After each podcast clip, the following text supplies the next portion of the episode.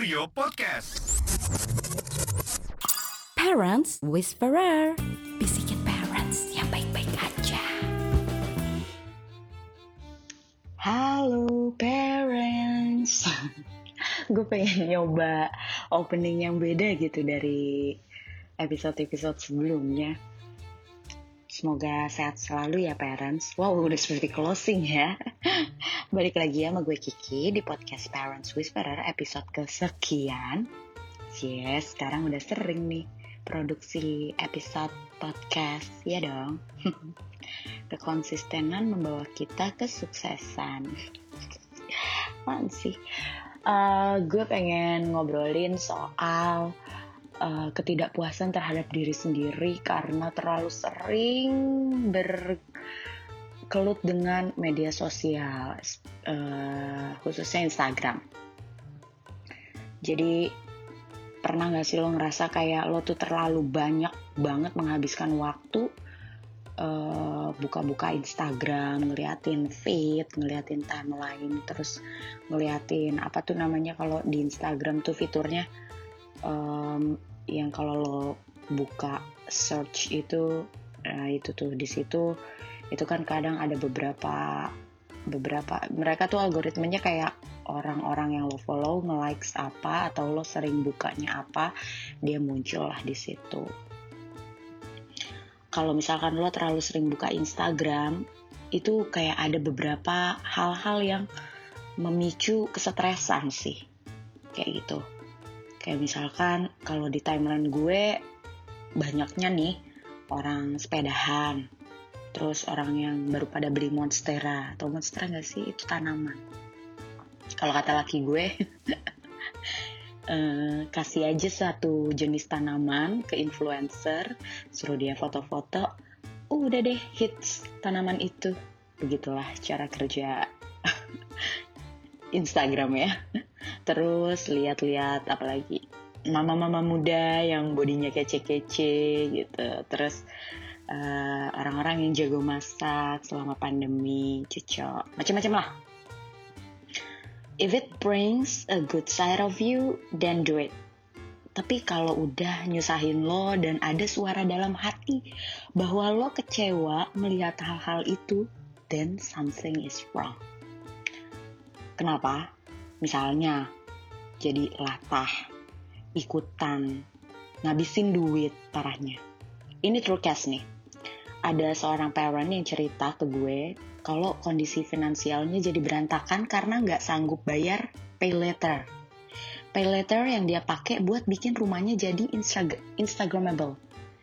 Jadi emang kalau di Instagram itu banyak banget yang posting tentang keestetikan rumahnya ya sebenarnya sih kalau misalkan media sosial itu suka-suka lo sih mau ngapain. Tapi gimana kitanya yang uh, sebagai user itu bijak atau enggak melihatnya itu seperti apa?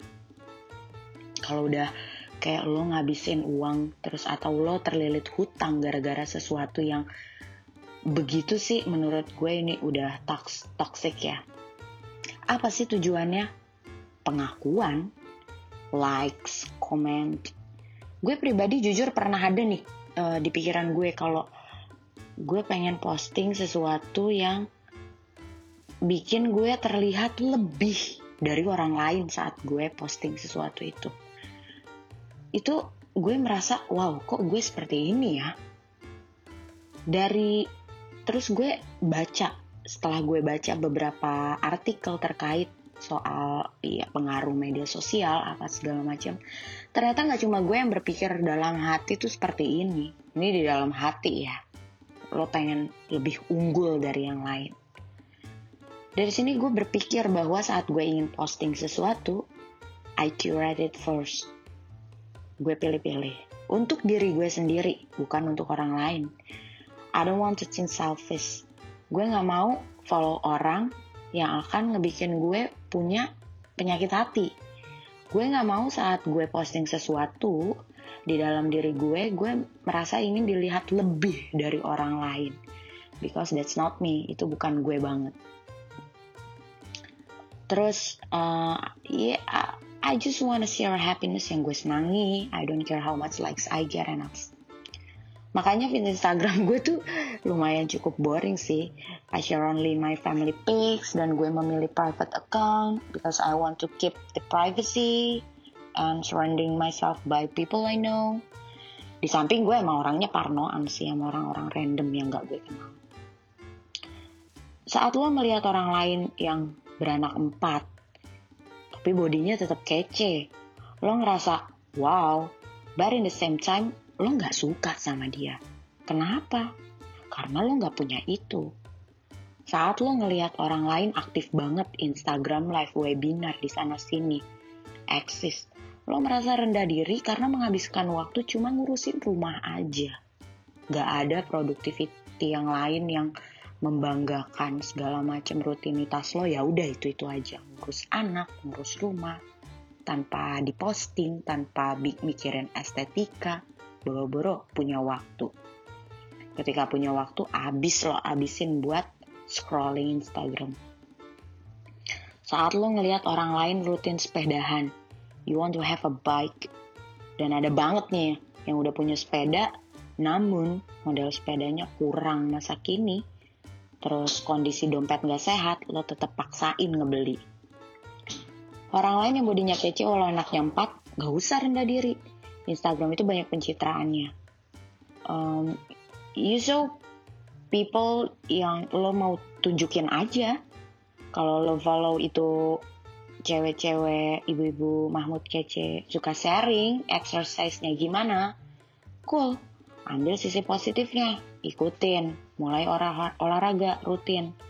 Kalau dia bisa, nggak mungkin lo nggak bisa terpacu secara sehat. Ini oke. Okay. Tapi kalau lo udah kayak merasa iri, bersungut-sungut karena mereka ya udah cakep aja tanpa tahu apa yang mereka lakukan, ya udah gak usah di follow. Melihat orang banyak kegiatan dan lo cuma ngurus anak di rumah, bukan cuma namanya ngurus anak itu udah sebuah hal yang gak akan bisa dibayar sama sebuah keeksisan di dunia maya, trust me. I do a lot of Instagram live, webinar, dan menurut gue uh, lebih ya I know itu sharing ya, maksudnya informatif apa yang gue share itu sebuah kegiatan yang memang mudah-mudahan bisa inspiring. Tapi menurut gue ngurus rumah, ngurus anak segala macam itu lebih priceless dan gak bisa dibayar sama itu tadi sebuah keeksisan di dunia maya lo mau upgrade something yang sebenarnya udah lo punya tahan. Inget terakhir kalinya lo beli sesuatu yang barangnya oh iya taruh di mana ya? Terus jadi useless. Allocate your money to something more useful. Berdonasi misalnya. Intinya yang mau gue sampaikan jika lo udah terlalu latah akan sesuatu gara-gara media sosial atau terlalu banyak Instagram, Instagraman, take a break pikirin hal apa yang sebenarnya yang bikin lo merasa kurang. Karena mungkin lo merasa kurang karena lo terlalu banyak melihat orang lain yang gak kelihatan sisi kurangnya mereka. Kalau lo mau berkomentar, tahan. Pikirin dulu selama semenit, misalnya apa nih kata-kata yang mau lo komentarin. Apakah kata-kata lo bisa bikin orang lain kecewa, sedih? Apakah komentar yang mau lo sampaikan mengandung fakta, atau lo cuma nggak suka secara emosi aja. Bijak bersosial media itu sebenarnya kayak udah sering banget sih kita dengerin kayak oh my god bijak yes of course. Tapi sebenarnya kenyataannya nggak semua orang bisa menerapkan ini ketika lo benar-benar coba mendalami arti kata bijak bersosial media itu lo coba berpikir benar-benar yang kayak oke okay, ini nggak membawa toxic ini tidak menyulitkan gue ini tidak membuat gue memiliki penyakit hati tidak membuat gue mengurangi rasa cinta gue dengan diri sendiri self love is important. You need it trust me. Lo butuh banget mencintai diri lo karena apa? Karena you enough. Lo itu cukup. Ketika lo merasa nggak cukup dan lo selalu membandingkan diri lo dengan orang lain, apalagi orang-orang di Instagram, Instagram itu not the whole life of one person, nggak semuanya, hanya beberapa persen dari hidupnya yang dia pengen liatin aja di situ. So parents coba kita introspeksi lagi untuk lebih baik lagi. Apakah kita benar-benar sudah uh, mencintai diri sendiri tanpa tanpa harus melihat sebuah standar yang sebenarnya itu hanya mindset yang diciptakan. Seperti itulah. Wow gokil sih. Episode ini kayaknya agak bijak ya. Iya sih karena beberapa hari terakhir emang gue lumayan dapat banyak cerita soal ini soal gimana orang-orang nggak puas ya udah you curate what you want to follow you curate what you want to post. Uh, lo nggak harus uh, lihat Instagram terus-terusan segala macem. Mudah-mudahan lo lebih happy ya parents. Tetap semangat and let's be happy.